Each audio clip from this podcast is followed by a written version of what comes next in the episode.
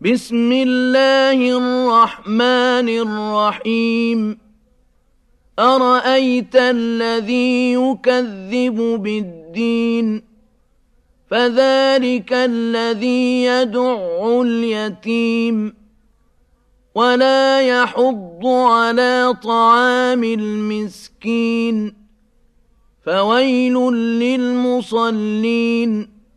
فويل للمصلين الذين هم عن صلاتهم ساهون. الذين هم يراءون ويمنعون الماعون.